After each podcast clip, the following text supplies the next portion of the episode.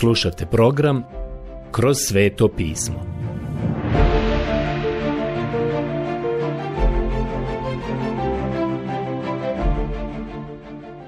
Knjiga Poslanica Efežanima Odlomak Poslanica Efežanima Poglavlje 1 od prvog do drugog stiha Prijatelj, prošli put sam samo napravio jedan uvod u ovu prekrasnu poslanicu Efežanima. I nije mi žao potrošiti svo ovo vrijeme na uvod, jer je ova poslanica jedna od najvažnijih i potrebna nam je osnova da bismo mogli dobro da je proučimo.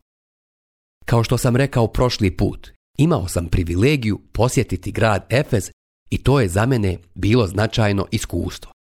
To je bio jedan veličanstven grad. Vjerovatno je to bio drugi najvažniji grad u Rimskom carstvu drugi po uticaju odmah poslije glavnog grada Rima. Efez je bio grad koji je u vrijeme kada je Pavle bio tamo imao kulturu koja je uglavnom bila grčka. Grad su vjerovatno osnovali Hetiti 2000 godina prije Krista. Efez je bio ono što bismo nazvali istočnim gradom, azijskim gradom. Sve do otprilike hiljadite godine prije Krista kada su došli Grci a onda je nastala mješavina istoka i zapada. Zapravo, Kipling nije bio u pravu što se Efeza tiče. On je rekao, istok je istok, a zapad je zapad. I nikada se to dvoje neće sresti. Ali sreli su se u Efezu. Tokom ovog dugog razdoblja od nekih dvije i po hiljade godina, ovaj grad je bio jedan od najvećih gradova na svijetu. Bilo je to kozmopolitsko mjesto, nalazilo se u Luci, koja je danas sva zatrpana, zamuljena i više nije luka. Zapravo, danas je Efez oko 10 km udaljen od mora. Ali kada je Pavle prvi put otišao tamo, doplovio je tačno do tog prekrasnog mramora, bijelog mramora. Bilo je to poput autoputa, jer je to bila veoma široka ulica. Taj lijepi parijski mramor bio je posuda. Efes se snabdijevao mramorom iz kamenoloma koji su se nalazili na planini Prion. U gradu je bila primjetna razvijena umjetnost i bogatstvo efeških građana.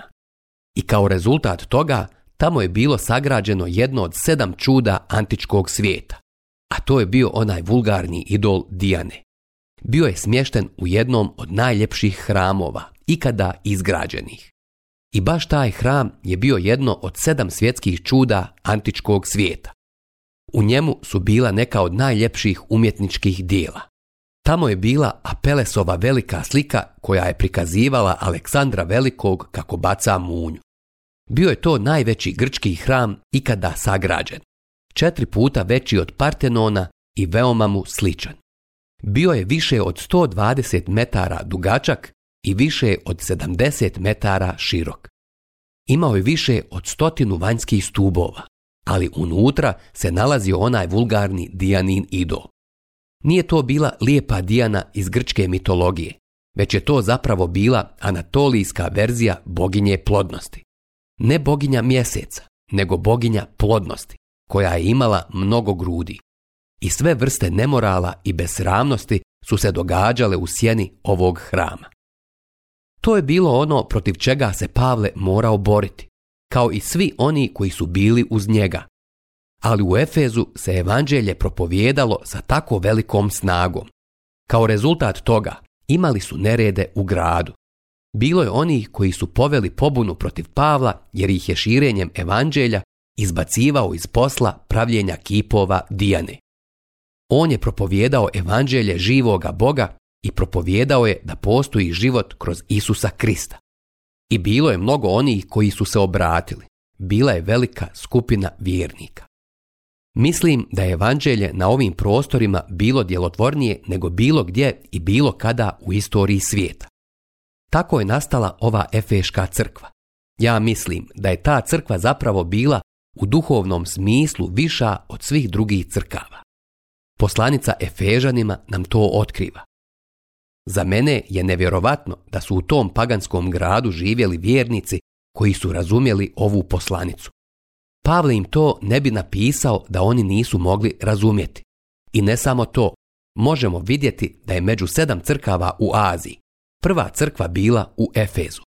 Tih sedam crkava koje su spomenute u otkrivenju zapravo su jedan niz crkava koje nam daju sliku cjelokupne crkvene istorije.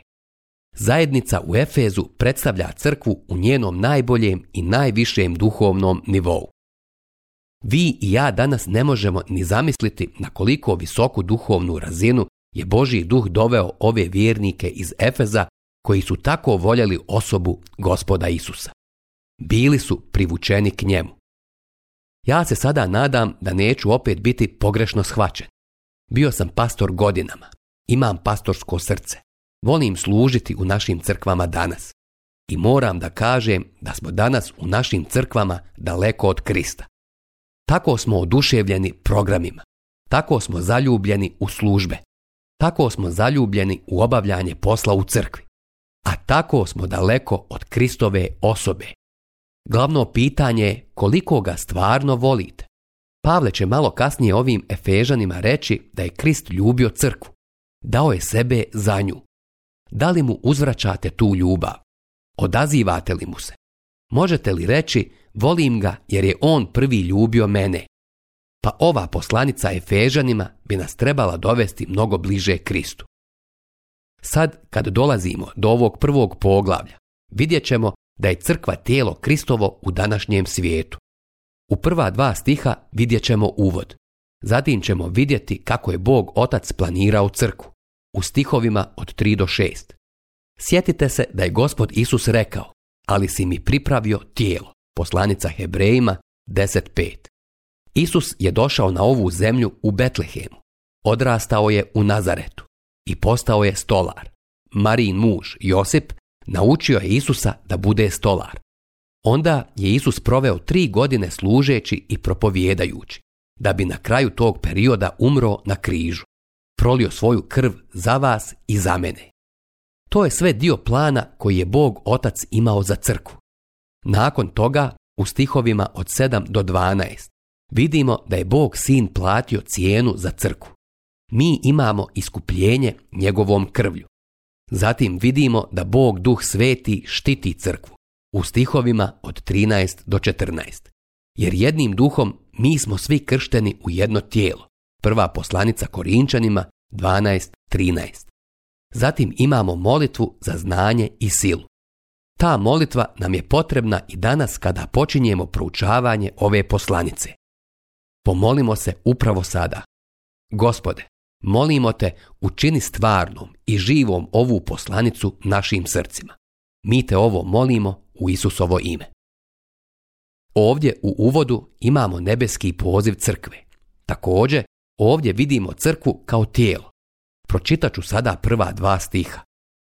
Pavao, po Božoj volji apostol Krista Isusa, svetima koji su u Efezu i vjernima u Kristu Isusu. Milost vam i mir od našega Boga Oca i Gospodina Isusa Krista. Poslanica Efežanima 1, 1 do 2. Nadam se da imate svoju Bibliju i da ste pratili dok sam čitao. Dok nas budete pratili, primijetit ćete da sam promijenio neke stvari. Prije svega, ovo je kratki uvod. Kratak je iz nekoliko razloga. Kratak je zbog toga što je ova poslanica bila upućena crkvi u Efezu, ali u nekim rukopisima izraz en Efezo je izostavljen, nije tamo. To jednostavno znači sljedeće. Očigledno je to bila poslanica na koju se Pavle pozivao kada je rekao u Kološanima da pročitaju poslanicu Laodicejcima. Drugim riječima, ovo je bilo cirkularno pismo koje je išlo u naokolo. Ja naravno mislim da je to prvenstveno bilo za crkvu u Efezu, ali ujedno i za druge crkve u to vrijeme. U ovoj poslanici se ne govori toliko o lokalnoj crkvi, koliko o crkvi uopšteno. Govori se o crkvi koja je nevidljivo tijelo vjernika, Vidjet ćemo to kasnije. Pavle započinje ovako. Pavao, po Božoj volji, apostol Krista Isusa.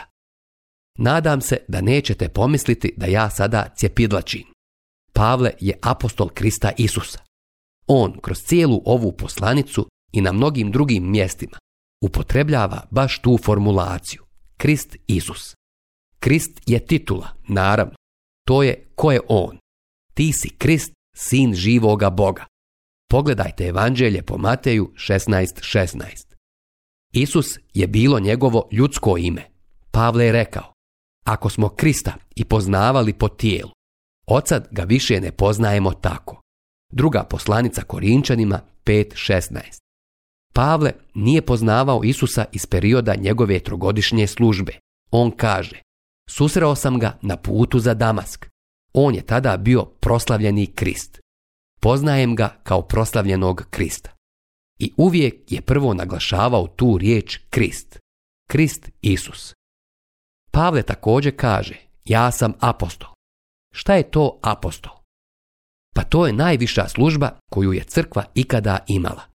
Niko danas nije apostol u crkvi iz jednostavnog razloga što niko ne može ispuniti te zahtjeve. Za početak apostoli su čuli svoj zadatak direktno sa Isusovih usana. Čućete i Pavla kako to tvrdi. Rekao je, ja nisam apostol po ljudskoj volji, nego po volji Božjoj. Ja sam apostol koga je Krist Isus postavio za apostola. Pogledajte poslanicu Galačenima 1.1. I to je razlog zašto ja vjerujem da je Pavle zauzeo judino mjesto, a ne Matej. Izglasali su Mateja, ali ja nigdje ne nalazim da ga je Krist Isus učinio apostol. Svi su apostoli očigledno primili svoj zadatak direktno sa usana gospoda Isusa. Drugi uslov za to da neko bude apostol je bio taj da vidi spasitelja nakon njegovog uskrsnuća. Kao što znate, Pavle je mogao ispuniti i taj uslov. Treći uslov da neko bude apostol je bio da ta osoba ima posebno nadahnuće. Oni su tumačili i pisali sve to pismo. Zasigurno se Pavle uklapa u to više nego bilo ko drugi. Zatim, četvrti uslov da neko bude apostol jeste da je ta osoba vrhovni autoritet. Gospod Isus je rekao apostolima da im je dana sva moć, a potvrda i znak njihovog autoriteta je bila moć da čine čuda. To je još jedan uslov da neko bude apostol. Ja mislim da su čuda prestala s apostolima jer je u to vrijeme to bilo ono što je njih karakterisalo. Apostol Ivan je prije nego što je završio svoju dugu službu, vjerovatno na kraju prvog vijeka, mogao reći sljedeće. Ako tko dolazi k vama i ne donosi taj nauk. Pogledajte drugu Ivanovu poslanicu 10. Doktrina je danas veoma važna. A onda još jedna stvar koja karakteriše apostole njima je dano univerzalno poslanje da osnivaju crkve. Ovo je šest uslova koje apostol mora ispuniti. I Pavle ih je svakako sve ispunio. Dalje Pavle ovdje kaže da je on apostol Krista Isusa po Božoj volji. Pavle svoje apostolstvo zasniva na Božoj volji, a ne na bilo kakvim ličnim ambicijama ili na ljudima, niti na tome da ga je crkva učinila apostolom. On je apostol po Božjoj volji. U poslanici Galačanima, u prvom poglavlju, u 15. stihu, Pavle kaže sljedeće. A kad se svidjelo Bogu, koji me izabra od krila moje majke i pozva svojom milošću, da objavi svojega sina u meni, da ga propovijedam među poganima, ni začas se ne obratih tijelu i krvi. Poslanica Galačanima 1, 15 do 16. Dakle, Pavle kaže, ja sam takav apostol, to jest po Božoj volji. On je rekao Timoteju, zahvaljujem onome koji mi dade jakost, Kristu Isusu, našemu gospodinu, što me je držao za vjerna i postavio me za služenje. A prije sam bio hulitelj, progonitelj i nasilnik. Ali sam pomilovan, jer sam ne znajući to činio u nevjeri. Prva poslanica Timoteju 112 do 13. Pavle se stalno pozivao na Božju volju kao temelj svog apostolstva. Želite li to provjeriti? Pogledajte prvu poslanicu Korinčanima 1.1, drugu poslanicu Korinčanima 1.1, poslanicu Kološanima 1.1, drugu poslanicu Timoteju 1.1. Na svim ovim mjestima, u svim ovim stihovima, Pavle kaže da je apostol po Božjoj volji. Dalje Pavle kaže svetima koji su u Efezu. Riječ za sveca je hagios. To zapravo znači odvojeno ili odvojeno isključivo za Božju upotrebu. To je ono što pripada Bogu. Na primjer, lonci i tave u šatoru sastanka, a kasnije i u hramu, nazivani su svetim posuđem. Zašto? Jer su bili posebno sveti, veoma lijepi i fini? Ne, Mislim da su svi bili ulubljeni i iskrzani nakon dugog putovanja kroz pustinju. Ali oni su bili odvojeni za Božju upotrebu. Dragi moji prijatelji, svetac je onaj koji je povjerovao Kristu. U stvari, danas postoje samo dvije vrste ljudi. Sveci i oni koji to nisu. Ako nisi svetac, onda si onaj koji to nije. Dakle, svetac je onaj koji je povjerovao Kristu i on je odvojen isključivo za Božju upotrebu. Naravno, postoje neki sveci koje Bog ne koristi, ali to je njihova odgovornost i krivica. Oni služe Bogu, a ujedno i njegovim slugama. Stoga se sveci trebaju ponašati svetački. To je ispravno, ali oni nisu sveci zbog načina na koji se ponašaju. Oni su sveci zbog svog položaja u Kristu i oni pripadaju njemu da bi ih on koristio. Pavle onda pominje da se to odnosi na svece koji su u Efezu, što sam već ranije spomenuo. Tu može stajati i ime vašeg grada, kako god da se on zove. U mom slučaju bi to bilo u Pasadeni. Dalje Pavle kaže, i vjernima u Kristu Isusu. Kao što vidite, ovdje su vjernici i sveci isto govori se o istim ljudima. Svetac treba biti svet, a vjernik treba biti vjeran. Ali vjernik koji je povjerovao Kristu i svetac, to je jedno te isto. Pojam svetac, ja mislim da je Božji aspekt. Ono kako Bog iz svog ugla gleda na kršćanina. Pojam vjernik je ljudski aspekt, odnosno kako čovjek gleda na kršćanina. Čitamo dalje i vidimo da piše u Kristu Isusu. Ovo je vjerovatno najljepša stvar od svega. Ova poslanica će to toliko naglasiti da ću se kasnije na tome detaljnije zadržati. Ali za mene najvažnija riječ u Novom Zavjetu jeste mali prijedlog u. Teolozi su smislili neke ilustracije, pokušavajući nam reći šta znači biti spašen. Kako vi definišete naše spasenje? Teolozi koriste riječi otkupljenje, pomirenje, opravdanje, izmirenje, obnovljenje i zamjenska Kristova žrtva. I sve te riječi su dobre. Ja im ne nalazim zamjerku. Mislim da su divne. Ali svaka od njih daje samo jedan aspekt našeg spasenja. Šta zapravo znači biti spašen? Biti spašen znači biti u Kristu. Mi smo neopozivo i organski povezani sa Kristom po krštenju, duhom sveti. Postavljeni smo u tijelo vjernika. Rečeno nam je sljedeće. A tko se združi s gospodinom, jedan je duh. Prva poslanica Korinčanima 6.17. Mi pripadamo njemu. Dakle, ne postoji ništa tako divno kao što je to. Stoga nema sada nikakve osude onima koji su u Kristu Isusu. Poslanica Rimljanima 8.1. Možete li ovo poboljšati? Učiniti nešto da bude bolje od ovoga. Mi smo u Kristu Isusu. To je veliko postignuće spasenja. Dr. Schaefer je otkrio da se ovo pojavljuje 130 puta u Novom Zavjetu. Kako je to divno! Gospod Isus je koristio taj izraz. On kaže, ostanite u meni i ja u vama. Evanđelje po Ivanu 15.4. Dakle, mi smo u Kristu. Kao što je ptica u zraku, tako je i zrak u ptici. Gospod Isus je rekao, vi u meni i ja u vama. Ja to ne mogu objasniti, to je tako duboko. Riba je u vodi i voda je u ribi. Željezo je u vatri i vatra je u željezu. Vjernik je u Kristu i Krist je u vjerniku. Mi smo pridruženi njemu. Glava je u tijelu, tijelo je u glavi. Moje tijelo se ne može kretati, a da ga glava ne usmjerava. Crkva je njegovo tijelo, a Krist je glava crkve. Sve ove istine koje se nalaze u poslanici Efežanima vrte se oko ove velike činjenice. Pavle počinje ovu poslanicu svojim pozdravom. Vrlo je kratak i uopšten. Mislim da je razlog očigledan, jer nije mogao uključiti osob sve vjernike. Poznavao ih je previše tamo.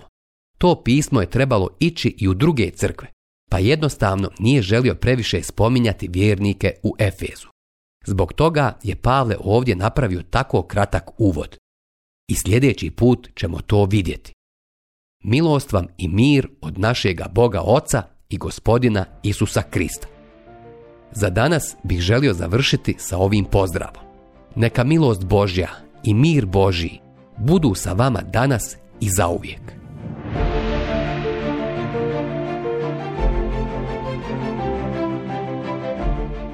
Slušali ste emisiju Kroz sveto pismo.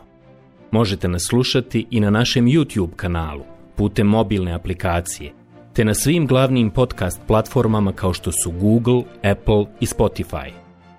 Ako vam se naši programi dopadaju, preporučite ih i podijelite s drugima. Budite slobodni da ostavite svoj komentar ili nam pišite na našu e-mail adresu kroz svetopismo.bih at gmail.com Zapratite našu stranicu kroz sveto pismo BiH na Facebooku i na Instagramu. Emisije iz ove serije možete pronaći na našoj stranici ttb.twr.org.